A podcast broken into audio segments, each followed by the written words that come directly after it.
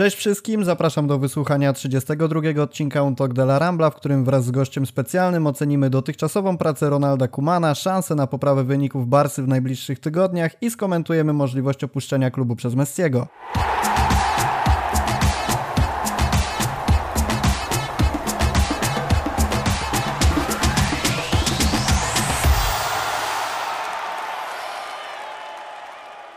Jest dzisiaj ze mną gość specjalny, dziennikarz Kanal Plus, czyli Tomek Ćwiąkała. Cześć. Cześć, cześć, dziękuję za zaproszenie. Bardzo nam miło, że znalazłeś czas w tym gorącym przedświątecznym okresie, żeby podzielić się swoją wiedzą z naszymi słuchaczami. Bardzo nam miło. Przejdźmy może od razu do konkretów. Jeszcze krótko przypomnę o tym, że hashtag UTD Rambla, że subskrypcje, łapki w górę, wyświetlenia, to wszystko jest dla nas bardzo ważne. 19 sierpnia tego roku Ronald Koeman został ogłoszony trenerem Barcelony. Myślisz, że minęło już wystarczająco dużo czasu, aby podjąć się pierwszej oceny pracy nowego szkoleniowca Barcelony? Wiesz co, ja mam problem z oceną pracy szkoleniowców Barcelony, bo mam takie wrażenie, że, że po prostu Barcelona w tym momencie nie jest miarodajnym miejscem do oceny pracy trenera. Mianowicie mam na myśli to, że gdyby w aktualnych okolicznościach albo w momencie, kiedy przychodził Setien albo Kuman, trafił na Camp Nou jakiś wybitny szkoleniowiec o wielkim nazwisku i tak dalej, to też mógłby się pośliznąć. Ja nie twierdzę, że Setian i Kuman to koniecznie muszą być najlepsi trenerzy e, ten pierwszy szereg, natomiast e, no, tych zawirowań wokół klubu, które też wpływają jednak bezpośrednio koniec końców na kadrę, jest tak dużo, że trudno jest tych trenerów miarodajnie ocenić. Natomiast jeśli pytasz mnie o moje zdanie na temat Ronalda Kumana, ja osobiście jestem bardzo rozczarowany. Rozczarowany jestem przede wszystkim tym, że jeśli już pojawia się taki moment, kiedy można wierzyć, że, że to wszystko idzie ku dobremu, chociażby początek tego sezonu. Ja przypominam sobie naprawdę fantastyczne mecze z Villarreal czy z Celtą Vigo, albo nawet mecz z Betisem, gdzie Barcelona grała z taką bardzo dużą swobodą w ofensywie, czy ostatnio także nawet spotkanie z Realem Sociedad, gdzie pierwsza połowa była naprawdę, moim zdaniem, nawet więcej niż obiecująca, to później nagle za każdym razem musi przyjść taki moment wyhamowania. No i teraz chociażby po Realu Sociedad nastąpiła Walencja na ten poprzedni mecz z Realem Valladolid okej, okay, fajny, super, że Kuman szuka nowych wariantów i wprowadza grę chociażby e, na trójkę stoperów, natomiast to jest tylko Valladolid grający jeszcze w tym meczu bardzo słabo. Natomiast żeby móc ocenić tego trenera pozytywnie, to ja potrzebuję nie jakichś danych na zasadzie, że Kuman osiąga najlepsze wyniki na tym etapie sezonu od kiedyś tam, no bo wiadomo, że, że generalnie te wyniki są bardzo przeciętne jak na Barcelonę, tylko po prostu ciągłości i takiej regularności. A czegoś takiego w tym momencie nie widzę, więc no, nie mamy podstaw, żeby oceniać to pozytywnie.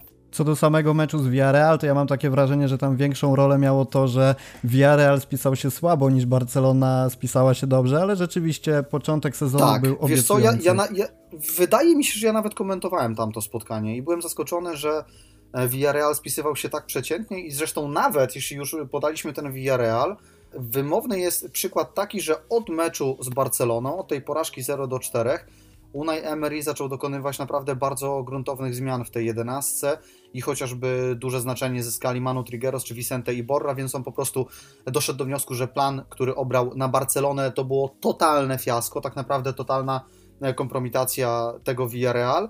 E, natomiast e, no, później, później dokonał tych, tych wszystkich zmian i, i Villarreal zaczął grać lepiej, dlatego być może, być może też no, to, że, że Barcelona zagrała tak dobrze wynika faktycznie z tego, tak jak powiedziałeś, że, że Los Amarios byli słabi, tu w pełni się zgadzam. A co do samego Kumana, nie masz takiego wrażenia, że to, czego oczekiwali od niego kibice na początku sezonu, chociaż oczywiście te nastroje były podzielone, bo byli optymiści, byli pesymiści, jeżeli chodzi o to, co może wnieść Kuman do Barcelony. Natomiast spodziewano się takiego rozróżnienia pomiędzy jego podejście do zarządzania Barceloną. Co mam na myśli? Obiecywał, że gracze będą na swoich pozycjach, po czym widzimy Pedriego na piwocie. Odzyskanie talentu wielu piłkarzy, po czym Coutinho wcale nie spisuje się tak dobrze, jak możemy się tego spodziewać. Zachowanie jakichś odpowiednich relacji pomiędzy nim a zawodnikami i mamy przykład Pójrza, który raczej nie może czuć się doceniony przez trenera. Ponadto mówił o tym, że będzie rządził klubem twardą ręką, gdzie wciąż w klubie pozostaje Umtiti i Firpo. Ja mam wrażenie, że nie do końca spełnia się to, jak był zapowiadany Kuman, jak sam siebie zapowiadał Kuman, a jak to wygląda na chwilę obecną. Tak, tu wiele rzeczy oczywiście się nie zgadza, natomiast podejrzewam, że jak Ronald Kuman, nie będąc już trenerem Barcelony, na przykład za, za sezonów dwa, udzieli jakiegoś wywiadu, to powie, no panowie, patrzcie, ile grał u mnie Araujo, czy znaliście kogoś takiego jak Mingesa, jak ważny przed kontuzją był Ansu Fati i, i kto dał szansę Pedriemu, więc on pewnie będzie się bronił, tym bardziej, że on jest takim człowiekiem, który absolutnie nie akceptuje krytyki i bardzo rzadko e, szuka jakichś e, przyczyn problemów u siebie przede wszystkim, natomiast no zgadzam się z tym i powiem Ci, że na przykład jeśli chodzi o tych piłkarzy, których wymieniłeś, ja jestem na przykład bardzo rozczarowany Coutinho, e, bo nawiązywaliśmy do początku sezonu i wydawać by się mogło, że ten początek sezonu naprawdę był bardzo obiecujący dla Brazylijczyka, że być może fakt, że, e, że po prostu gramy bez kibiców mógł mu pomóc. E, wiele osób tak twierdzi też bezpośredniego otoczenia Filipe Coutinho, bo to jest taki piłkarz, który po prostu gaśnie przy presji, natomiast no rzeczywiście tego wszystkiego nie udało się zrealizować, natomiast ja widzę, że Ronald Koeman się stara kombinować to akurat postrzegam jako jego plus. To znaczy, on nie jest takim trenerem, oczywiście przywiązał się na, na prawie zawsze do tego 4-2-3-1, bo trójkę zobaczyliśmy teraz z Realem Valladolid, natomiast on szuka różnych rozwiązań i naprawdę kombinuje właśnie. Ja na przykład nie postrzegałbym tego, że on chociażby wystawia Pedriego na pozycji pivota, czy, czy Frankiego de Jonga w jakichś tam momentach na, na pozycji środkowego obrońcy. Dla mnie to nie jest wada trenera. Ja powiedziałbym nawet, że to jest zaleta. Ja jestem fa wielkim fanem na przykład Juliana Nagelsmana, który permanentnie szuka dla piłkarzy nowych pozycji, więc szczerze mówiąc nie chciałbym za to szczególnie tak Ronalda Kumana negować.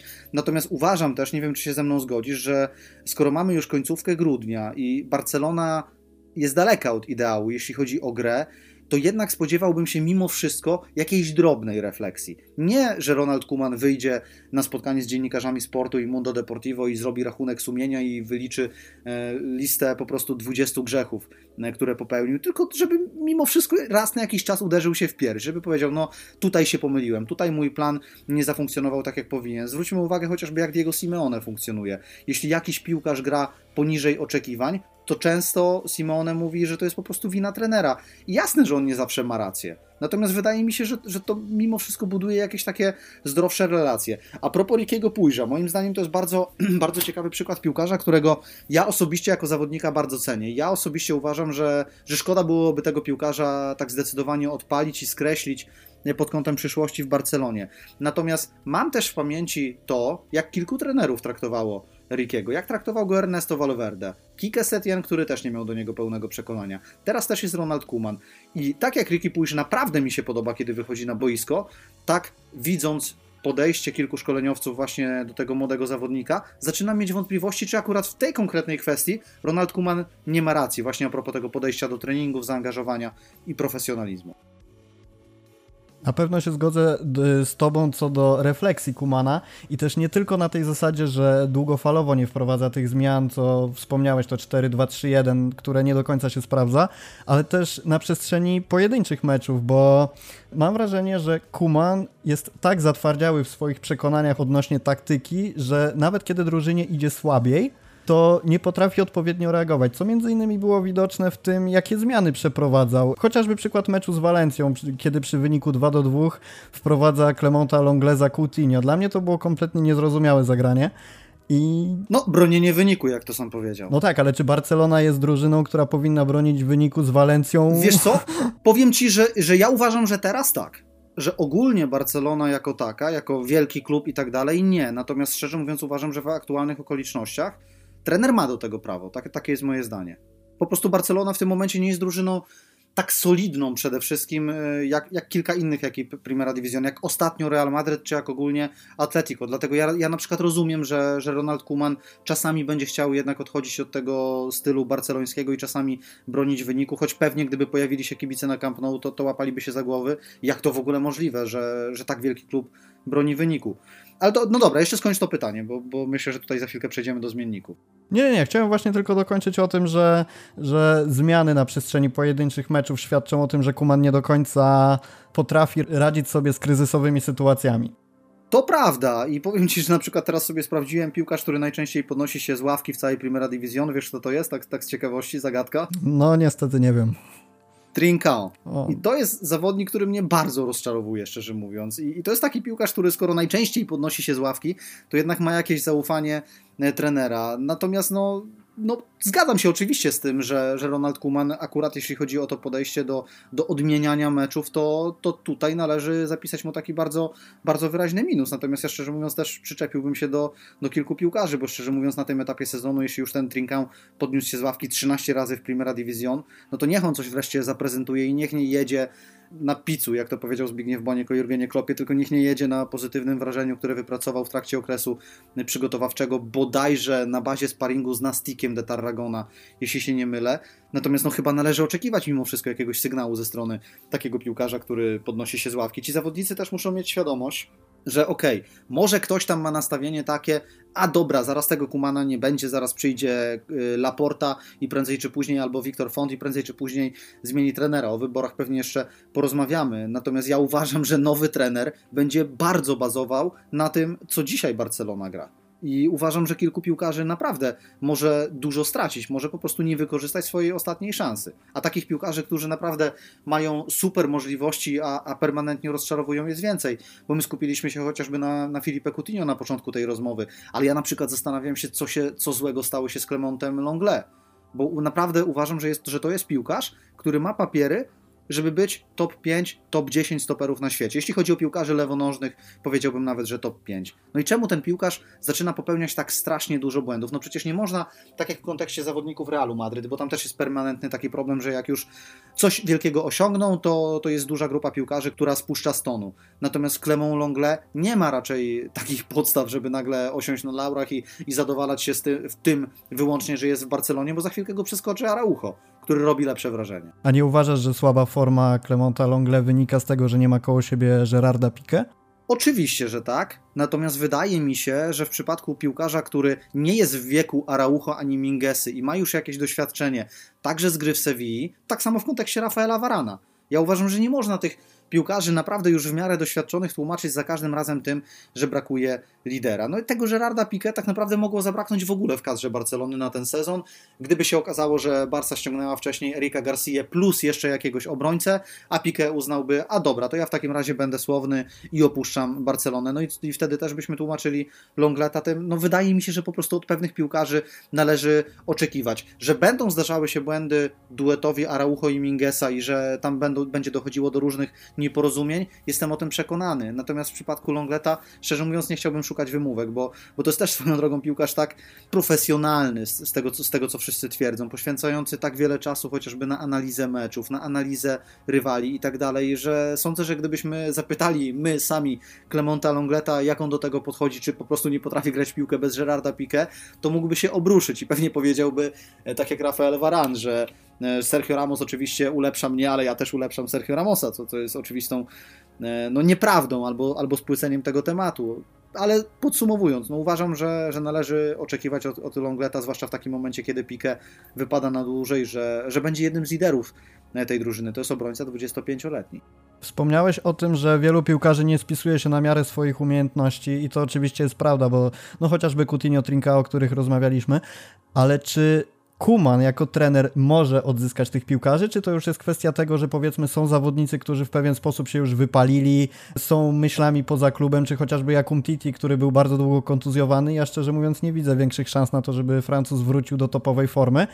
Dążę do tego, na ile Kuman jest ograniczony problemami kadrowymi w swoich decyzjach i na ile może z tym walczyć. Ograniczony problemami kadrowymi na pewno jest, natomiast y, ja uważam, że zawsze każdego piłkarza należy traktować indywidualnie, chyba że na przykład pięciu piłkarzy ma ten sam problem. Samuel Umtiti, czy kiedykolwiek wróci do odpowiedniej formy, uważam, że na ten temat powinien wypowiedzieć się lekarz albo jakiś specjalista e, właśnie ze sztabu medycznego Barcelony, być może on to wszystko by nam rozjaśnił.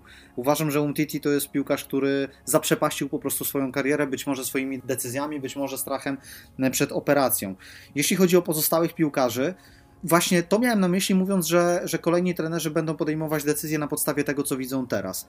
Bo podejrzewam, że jeśli do klubu przyjdzie Joan Laporta albo Wiktor Font, nie bez przyczyny mówię w takiej kolejności, to jedną z pierwszych decyzji może być chęć pozbycia się Filipe Coutinho, bo no niestety tendencja po raz kolejny jest zniżkowa. I gdybym ja na przykład teraz powiedział, ja już nie wierzę definitywnie w Coutinho i tak dalej, bo szczerze mówiąc przestaję wierzyć, tak de facto, to za chwilkę przyjdą jakieś tam dwa, trzy mecze, zobaczymy dwa kapitalne gole z dystansu, czy kilka fajnych klepek z Leo Messi, i kibice powiedzą, a jednak ten Coutinho żyje. Tylko wydaje mi się, że takich piłkarzy na tym poziomie, kosztujących sto kilkadziesiąt milionów euro, nie należy oceniać na podstawie jednego meczu, żeby ktoś komuś wytknął, a tutaj nie miałeś racji, tylko na podstawie całego wycinka. Jeśli mamy oceniać Filipe Coutinho na podstawie początku sezonu, no to były duże nadzieje, że to będzie jeden z głównych liderów Barcelony. No a co się okazuje? Że dzisiaj, jak ja bym dostał na przykład pytanie Pedri czy Coutinho, to szczerze mówiąc ja nie wiem, czy, czy ktokolwiek miałby dylemat. Ale jeszcze pytałeś o jednego zawodnika i, i uciekło mi nazwisko. Wiesz co, myślę, że mógłbym tutaj zapytać o kilku, no bo rozmawialiśmy o Lengleo, Trincao, o Umtitim, ale przecież to są tacy piłkarze jeszcze jak Pjanic, chociażby Alenia, czy... Bra to o tych dwóch piłkarzach się wypowiem, jeśli można. Okej, okay, jasne. E, mnie rozczarowuje. Uważam, że Pjaniczowi przytrafia się zbyt dużo błędów w koncentracji takich powiedzmy nieprzystających do klasy, do klasy tego piłkarza, który, który jeśli chodzi o technikę i przegląd pola ma prawo sądzić, że, że może być po prostu wybitny. Jeśli chodzi o Carlesa Alenie, Często kibice Barcelony podchodzą do, do takich piłkarzy, do takich wychowanków na zasadzie stawiajmy na tego Carlesa Alenie, tyle lat na niego czekamy. Natomiast ja też mam w pamięci mnóstwo meczów Realu Betis, w których występował Carles Alenia. I naprawdę ten zawodnik wyglądał tam blado. On naprawdę wyglądał tam bardzo, bardzo, bardzo przeciętnie. I być może nie ma przypadku w tym, że jeśli jacyś zawodnicy opuszczają Barcelonę, to oni rzadko wracają tam na naprawdę odpowiednio wysokim poziomie. Jakiś czas temu przy okazji studia do El Clasico rozmawiałem z Eusebio Sakristanem, który kiedyś prowadził rezerwy Barcelony i zapytałem go, z czego e, wzięła się taka gigantyczna luka, jeśli chodzi o wychowanków. Pomiędzy Sergim Roberto, a tym pokoleniem Ansu Fatiego nie było praktycznie nikogo, kto wybiłby się na dłuższą metę.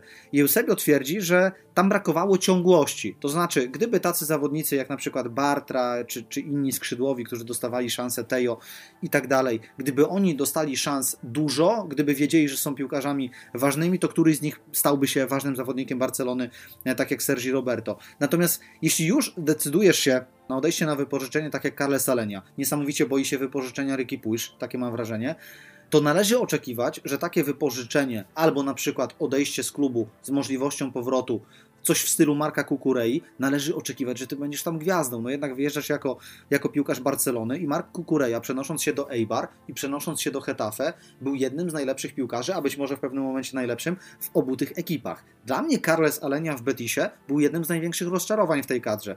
Więc yy, szczerze mówiąc nie, nie rozumiem tych yy, takich głosów na przykład kibiców Barcelony dawać tego Alenie. No ja bym nie dawał. Niech ten Alenia udowodni wreszcie jakąś akcją, jakimś meczem, że on nadaje się do gry w Barcelonie. Bo na razie to jest taki piłkarz, na którego niby fajnie się patrzy, ale w sumie z jego gry kompletnie nic nie wynika.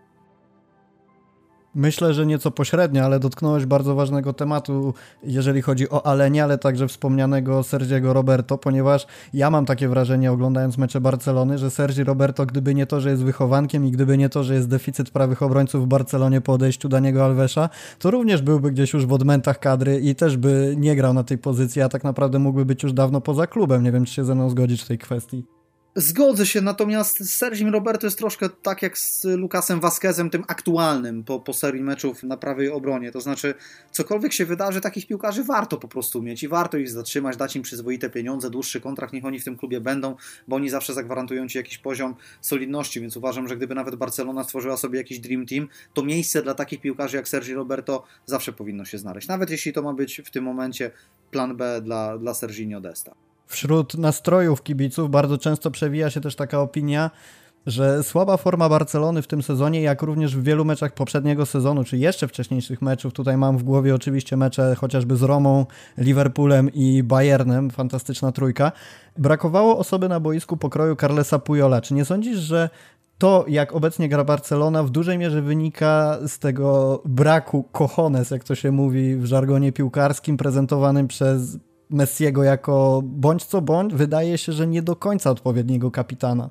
Zgadza się i ja uważam, że zawsze Barcelonę będziemy porównywać z Realem Madryt i Real Madryt z Barceloną i moim zdaniem warto to robić. Dlatego uważam, że w Barcelonie nie ma kogoś, kto miałby 30% charakteru Sergio Ramosa. A o tym, jak ważny jest charakter Sergio Ramosa, najlepiej widać wtedy, kiedy tego zawodnika brakuje, więc w, 100%, w 200% zgadzam się, że, że brakuje kogoś o charakterze Carlesa Pujola, bo Leo Messi jest jednak innym typem lidera. Uważam, że jednym z głównych liderów Barcelony, co może brzmieć zabawnie, ma prawo być Pedri. Natomiast to będzie lider boiskowy. To jest facet, który nie ucieka od odpowiedzialności, tak jak zdarza się Coutinho, który nie gaśnie, który nie znika tak często podczas meczów i który tak prosi o piłkę po prostu w każdej akcji. Natomiast no wiadomo, no Pedri nie będzie na nikogo krzyczał. Antoine Griezmann nie będzie na nikogo krzyczał. Mam teraz przed sobą kadrę Barcelony. Ter Stegen to jest wręcz no, ultra spokojny bramkarz. Jakiś czas temu rozmawiałem z jednym z trenerów y, pracujących w polskiej ekstraklasie i on mi powiedział, że on Ter Stegena pokazywał bramkarzom występującym w jego drużynie właśnie w polskiej ekstraklasie, żeby udowodnić swoim zawodnikom, że na przykład jeśli defensywa popełnia błąd, i na przykład drużyna traci gola albo drużyna gdzieś tam wyrzuca piłkę na rzut rożny, to nie musi za każdym razem być tak, że bramkarz od razu wydziera się na wszystkich, bo na przykład w polskiej lidze to jest norma, że, że Ter Stegen po prostu jest taką oazą spokoju, że ktoś wie, że popełnił błąd, ale patrzy na Ter Stegena, ten mu pokaże kalma, kalma, nic się nie stało, ale to też pokazuje, że mimo wszystko Ter Stegen takim liderem nie będzie, więc podsumowując, uważam, że oczywiście masz rację i że takiego piłkarza nie ma. Nawet mówię, no mam przed sobą teraz cały czas kadrę Barcelony, przewijam to, i powiedz mi, bo jestem ciekaw Twojego zdania, kto jest najbliżej Sergio Ramosa, jeśli chodzi o charakter poza Piqué? Ja mam problem, żeby wskazać jedną osobę. Zabrałeś mi odpowiedź, bo właśnie wskazałbym raczej Pikę. Jeszcze w poprzednim sezonie pewnie moglibyśmy tutaj umieścić Vidala, może Suareza, natomiast na ten moment uważam, że kompletnie nie ma takiej osoby i pomimo, że ja nie do końca zgadzam się z tezą, że Messi jest złym kapitanem, po prostu on jest innym kapitanem. Jest, innym, oczywiście, że tak. Jest liderem drużyny przez to, jakie posiada umiejętności, przez to, że, że drużyna Dokładnie za nim pójdzie. Tak Natomiast... Dokładnie tak, dlatego dla mnie na przykład takim kapitanem bez opaski w Realu Madryt jest Luka Modric. Dla mnie to jest podobny charakter do, do Leo Messiego właśnie jeśli chodzi o, o tego typu kwestie i, i że to jest po prostu no zwyczajnie inny typ lidera. Ale uważam, że da się tutaj znaleźć wiele podobieństw. Ja wiem, że kibice Barcelony pewnie teraz słuchając mnie zastanawiają się, czemu on znów nawiązuje do Realu Madryt, natomiast ja uważam, że to jest naturalne, że tak jak Legię porównuje się do Lecha, na przykład Juventus do Interu, tak, tak różnych punktów odniesienia warto szukać Barcelona kontra Real i zawsze warto patrzeć do góry pod pewnymi względami. W górze jest e, Barcelona, a pod pewnymi Real.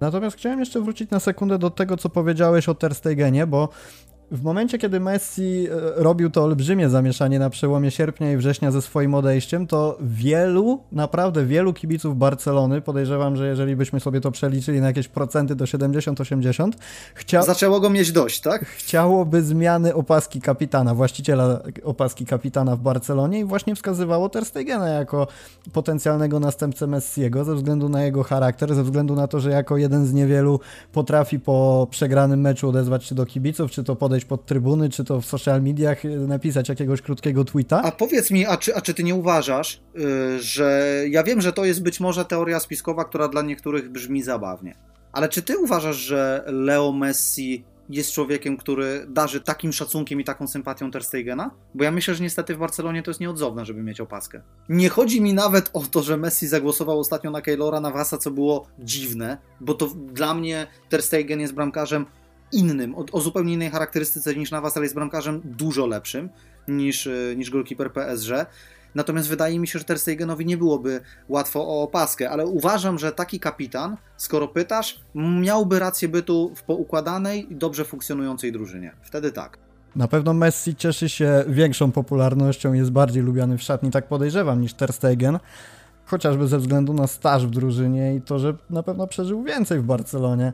Natomiast... Ja uważam, y, przepraszam, że ci tak? przerwę, ja uważam, że Ter Stegen to jest piłkarz, który mało mówi, ale jeśli mówi, to słuchają go wszyscy. Na takiej zasadzie. A być może potrzebny w tym momencie jest ktoś, kto mówi dużo, mówi konkretnie i bardzo ekspresyjnie. Takie mam wrażenie, może się mylę, ale takie mam wrażenie. Co do Ter Stegena, to też przychodzi mi do głowy takie coś, że ludzie często oceniają go przez pryzmat tego właśnie tych wrzucanych tweetów czy postów na Instagram, w których dziękuję kibicom i tak dalej, i tak dalej. Natomiast dla mnie, szczerze mówiąc, nie jest to najważniejsze i nie wysuwałbym tego na pierwszy plan. Nie jest to najważniejsze, ale, ale też nie ma w tym nic złego. Tak, tak, dokładnie, dokładnie. I też jeszcze jedna rzecz, bo zastanawialiśmy się, to jest już trochę stary temat, natomiast jeżeli go poruszyliśmy, to fajnie byłoby o tym chwilę porozmawiać. O właśnie o tej zmianie opaski kapitana, bo zmianie właściciela opaski kapitana w zasadzie, bo jestem ciekawy Twojego zdania na temat tego, jak szatnia mogła przyjąć decyzję Messiego o chęci odejścia. Czy było to raczej, dobra, wiemy, jest tutaj Bartomeu, rozumiemy, że chcesz odejść i realizować się gdzie indziej, czy to było raczej takie, że kapitan opuszcza tonący statek? Nie wiem, powiem ci, powiem ci szczerze, że nie wiem I, i myślę, że prawdę poznamy za, za kilka lat, kiedy Gerard Piqué udzieli, udzieli kilku wywiadów, ewentualnie któryś z innych zawodników. Jeśli miałbym strzelać, to uważam, że było zrozumienie. To znaczy, ci piłkarze mieli duża grupa, mieli tak dość tego zarządu, że uznali, no dobra, to nie jest tak, że kapitan opuszcza okręt, tylko być może kapitan wskazuje na źródło problemu i być może coś takiego było tu potrzebne. Więc jeśli miałbym strzelać, bo, bo tak jak mówię, to, to jest zgadywanka, to powiedziałbym to drugie, że, że fajnie, że kapitan zabrał głos. Ja szczerze mówiąc, wiesz, analizowałem sobie wielokrotnie to postępowanie Leo Messiego. Przez dłuższy czas uważałem, że, że on stara się wywierać presję na Bartomeu i cały czas twierdzę, że gdyby Bartomeu podał się do dymisji albo po Bayernie, albo nawet jeszcze przed, bo, bo Bayern to jest wierzchołek tutaj tej, tej góry sterty problemów Barcelony, natomiast kłopotów było więcej i to też wcześniej. Uważam, że gdyby Bartomeu podał się do dymisji zdecydowanie szybciej, już teraz oczywiście znalibyśmy nazwisko nowego prezydenta, ale uważam, że nie byłoby wywiadu Leo Messiego z Rubenem Urią, że nie byłoby tego całego cyrku, całego zamieszania z Manchesterem City i tak dalej, ale też druga kwestia, która mnie zastanawia w kontekście przyszłości Leo Messiego,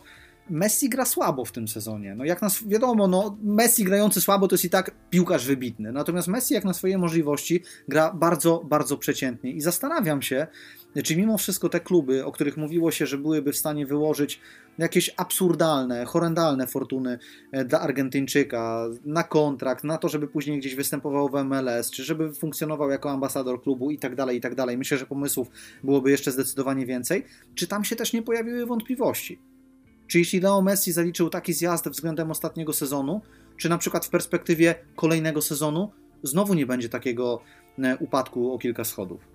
Myślę, że takie wątpliwości są. Zwłaszcza biorąc pod uwagę sytuację finansową Barsy i to, że sama pensja Messiego kosztuje Barcelonę 80 milionów brutto około, w zależności od różnych źródeł, a, a, a jak wiemy, no następny zarząd na pewno będzie walczyć z tym, żeby te koszty w miarę możliwości optymalizować. A powiedz mi, ja jestem, ja jestem ciekaw też Twojego zdania, właśnie jako osoby, która, która zna się na Barcelonie. Nie masz takiego wrażenia, że w tych wszystkich dyskusjach teraz, w trakcie, w trakcie tej powiedzmy debaty prezydenckiej wokół Barcelony jest wiele osób, wiele, nie mówię o jednej osobie, tylko że jest wiele, bo chyba Emily Rousseau w taki sposób się wypowiedział, jeśli się nie mylę, e, że jest wiele osób, które chciałyby powiedzieć wprost, no ja mam pomysł na Barcelonę bez Leo Messiego i dla mnie to wcale nie musi być plan B, to nawet może być plan A. Natomiast nikt tego nie powie, bo każdy się boi po prostu reakcji. Nie masz wrażenia, że w tej grupie osób, która chce startować w tych wyborach, naprawdę, no naprawdę jest duże grono, które, które myśli właśnie w ten sposób, że że tak naprawdę to chciałoby się pozbyć po prostu tego kontraktu i układać tę Barcelonę zupełnie inaczej, właśnie być może wokół takich piłkarzy jak Pedri, jak Ansu Fati, może ten Ricky Pucci i tak dalej, czy, czy Antoine Griezmann, czy może nawet Felipe Coutinho, ale bez tego kontraktu Leo Messiego. Mam na, mówię, celowo to podkreślam, nie, nie bez Leo Messiego, tylko bez kontraktu Leo Messiego, no bo to jest dzisiaj gigantyczne utrudnienie. Mam takie wrażenie, szczerze mówiąc, tylko zdaję sobie też sprawę z tego, że jakikolwiek kandydat na prezydenta Barcelony, jeżeli głośno by powiedział o tym, że planuje przyszłość bez Messiego i to już od następnego sezonu, to prawdopodobnie przekreśliłby sobie szansę na zwycięstwo tym samym. No oczywiście mówimy trochę hipotetycznie, bo wiemy, że z dużą dozą prawdopodobieństwa wygra Font lub Laporta, lub tak jak podkreśliłeś, Laporta lub Font. Natomiast rzeczywiście wszyscy kandydaci muszą brać pod uwagę to, że kontrakt Messiego będzie olbrzymim obciążeniem w budowaniu klubu przez następne lata. I jeszcze tutaj to wejdę ci w słowo. Uważam, że w tej grupie kibiców Barce Socio z Barcelony, którzy będą brali udział właśnie w tych wyborach i którzy chcą pozostania Leo Messiego, Laporta będzie miał nieprawdopodobną przewagę. Bo on tak po cichutku, powolutku wypuszcza takie sygnały na zasadzie ja mam zaufanie Leo Messiego, ja z nim rozmawiam. Uważam, że to może być kluczowe w ogóle pod kątem wygrania tych wyborów, nie żonglowanie Szawim przez jednego e, czy przez drugiego, bo nie jest powiedziane, że Szawi nie wróci kiedyś do Barcelony z Laportą w roli prezydenta. Natomiast te właśnie słowa o, o zaufaniu Leo Messiego, bo gdyby na przykład teraz się okazało, że Laporta przekazałby e, taką informację, też trzeba wziąć pod uwagę, że kontrakt wygasa pod koniec czerwca, co oznacza, że Leo Messi teoretycznie z nowym klubem, wiadomo, teoretycznie może negocjować od początku stycznia, ale jeśli Joan Laporta na początku stycznia powie takie zdanie, dogadałem się z Leo Messi w sprawie obniżki zarobków, to szczerze mówiąc nie wyobrażam sobie, że on nie wygrałby tych wyborów ze zdecydowaną większością. To jedna rzecz, a jeszcze jest druga ważna rzecz, mianowicie kontrakty sponsorskie, bo pamiętajmy o tym, że Messi poza tym, że pobiera bardzo dużą pensję od Barcelony, to jednocześnie napędza cały marketing. Yy, pomijając oczywiście sprzedaż koszulek, bo wiemy, że często przedstawia się te koszulki, że zawodnik się spłaca z koszulek, natomiast przyciąganie widzów, jeżeli wrócą na stadiony, miejmy nadzieję, za jakiś czas, cały merchandising, całe Cho chociażby no to, że, że sponsorzy po prostu chcą być reklamowani na koszulce, na której z tyłu jest napisane Messi numer 10. I zastanawiam się, czy o tym często kibice nie zapominają, rozmyślając o odejściu Messiego, bo oczywiście z jednej strony mamy jego wysoką pensję, a z drugiej strony to, jakie generuje przychody, mam wrażenie, że to się niweluje w pewien sposób.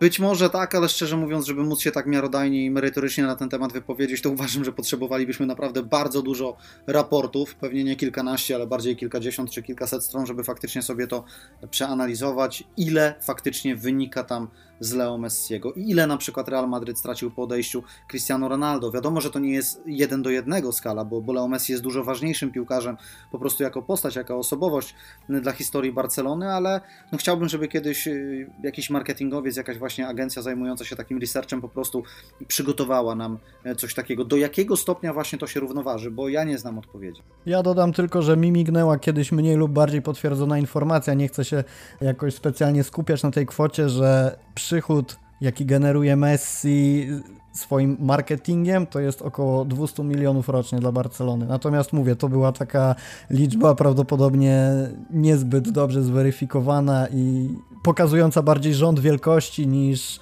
niż dokładne jakieś statystyki. Właśnie pytanie, czy to nie jest właśnie taka miejska legenda, na zasadzie piłkarz spłacił się z koszulek. Tak, Często tak. się coś takiego słyszy, a później okazuje się, że to jest wierutna bzdura. Natomiast jeżeli już jesteśmy przy Messim, no to gdzieś pojawia się ta informacja o tym, że Barcelona może planować przyszłość bez niego.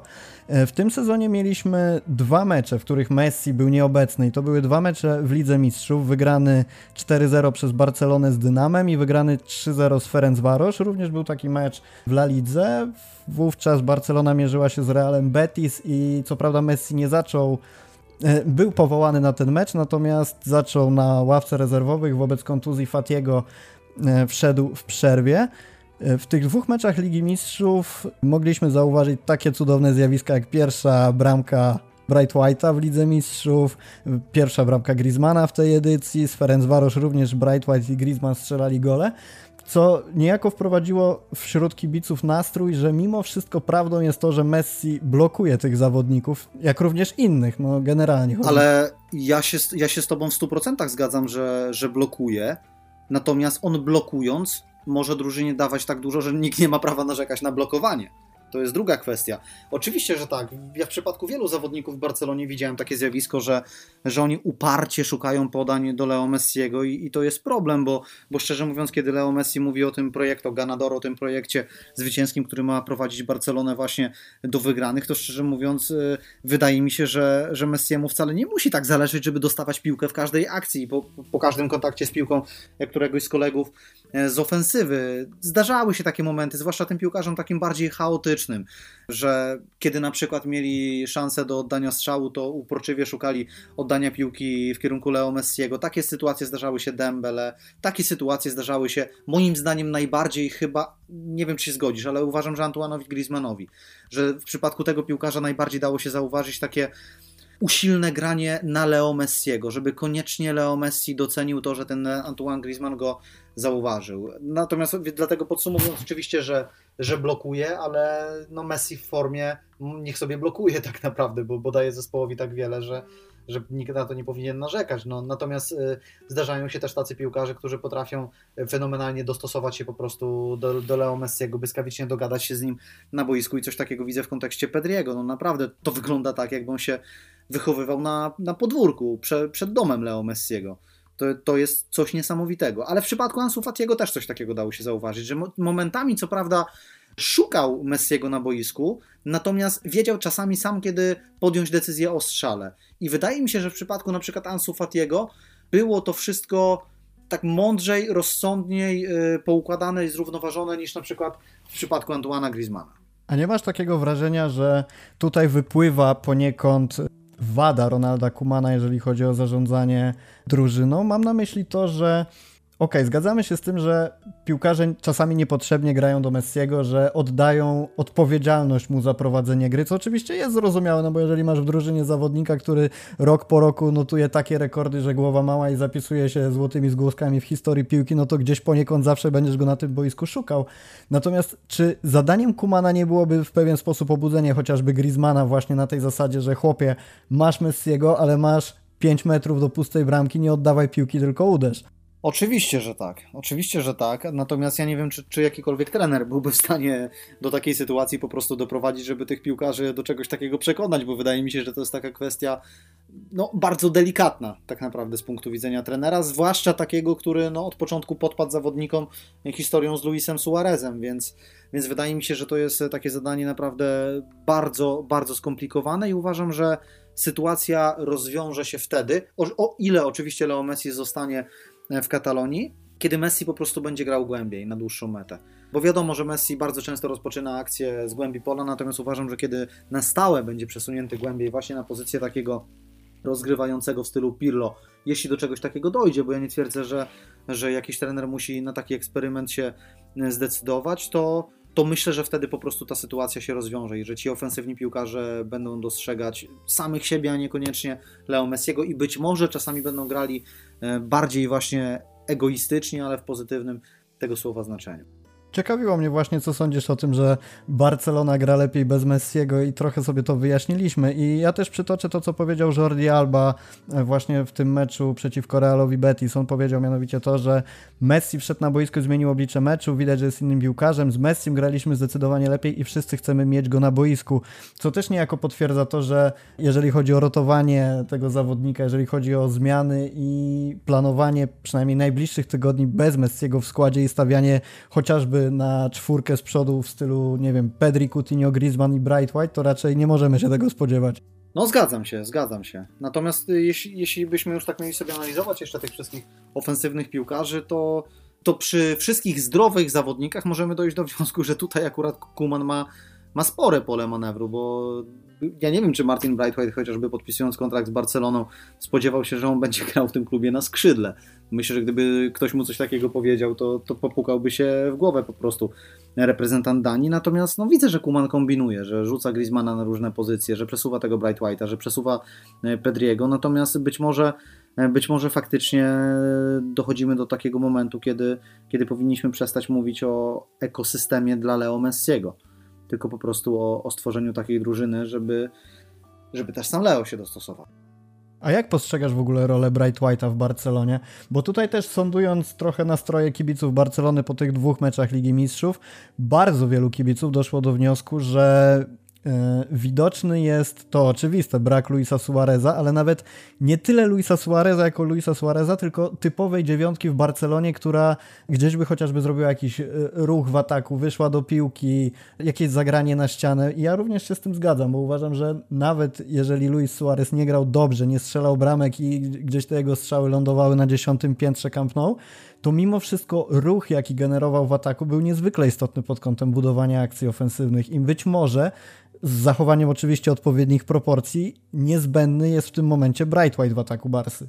Wiesz co, ten Bright White wcale nie musi być po prostu taki zły, jak niektórzy sądzili, bo oczywiście sam transfer, sama historia tego transferu, ściągnięcie zawodnika z Leganes to była troszkę karykatura jak na możliwości takiego klubu jak Barcelona.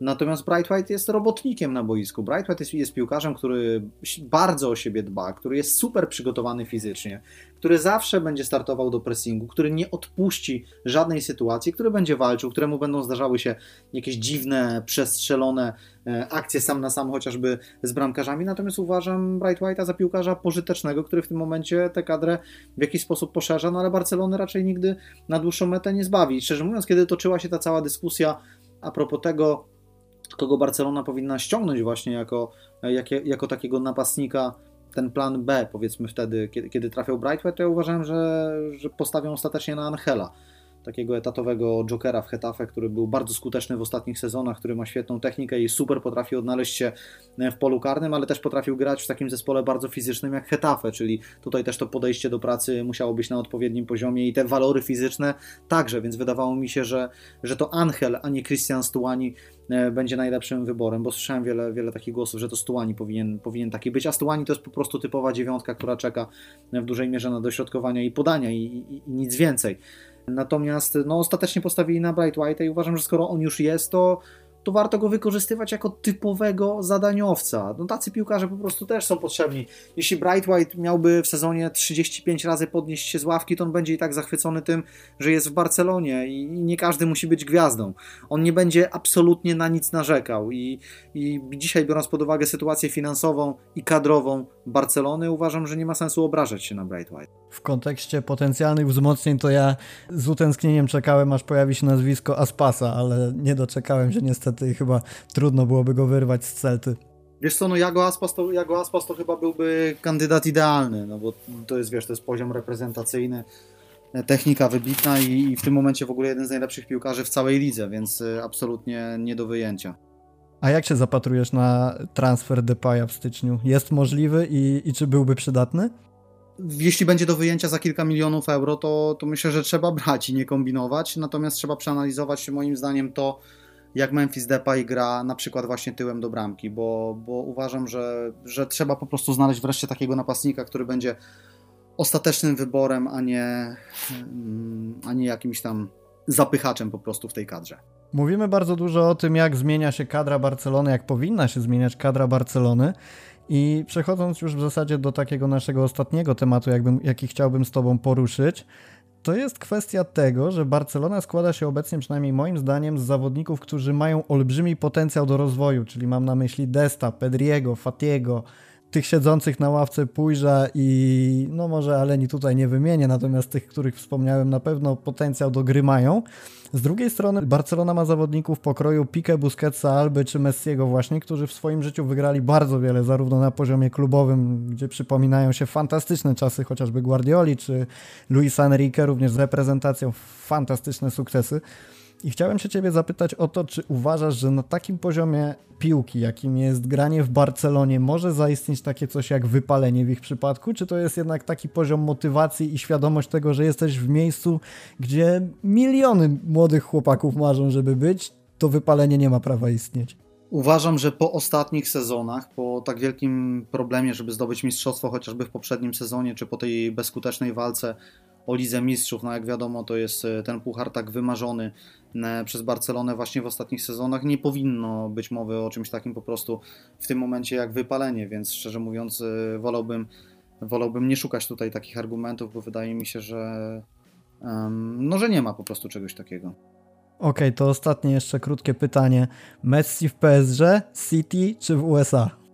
Jeśli mam strzelać, to w PSG, ale czekam na ten najbliższy wywiad z Jordim Evole, bo może się okaże, że jednak on ma plan pozostać w Barcelonie, ale jeśli już miałbym w tym momencie typować e, po prostu jaki ewentualnie byłby adres dla Leo Messiego, to powiedziałbym, że jest to PSG.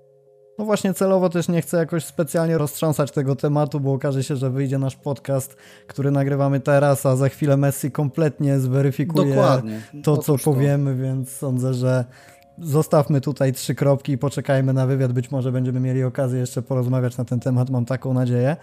Tomku, bardzo Ci dziękuję za to, że w tym gorącym okresie znalazłeś czas dla mnie, dla naszych słuchaczy. Chciałbym Ci bardzo serdecznie bardzo podziękować. Dziękuję. Bardzo dziękuję, to była dla mnie wielka przyjemność i życzę wszystkim wesołych świąt i szczęśliwego nowego roku. Do usłyszenia w Kanal Plus. I w następnych odcinkach Untok de la Rambla dziękujemy bardzo za wysłuchanie. Siemanko.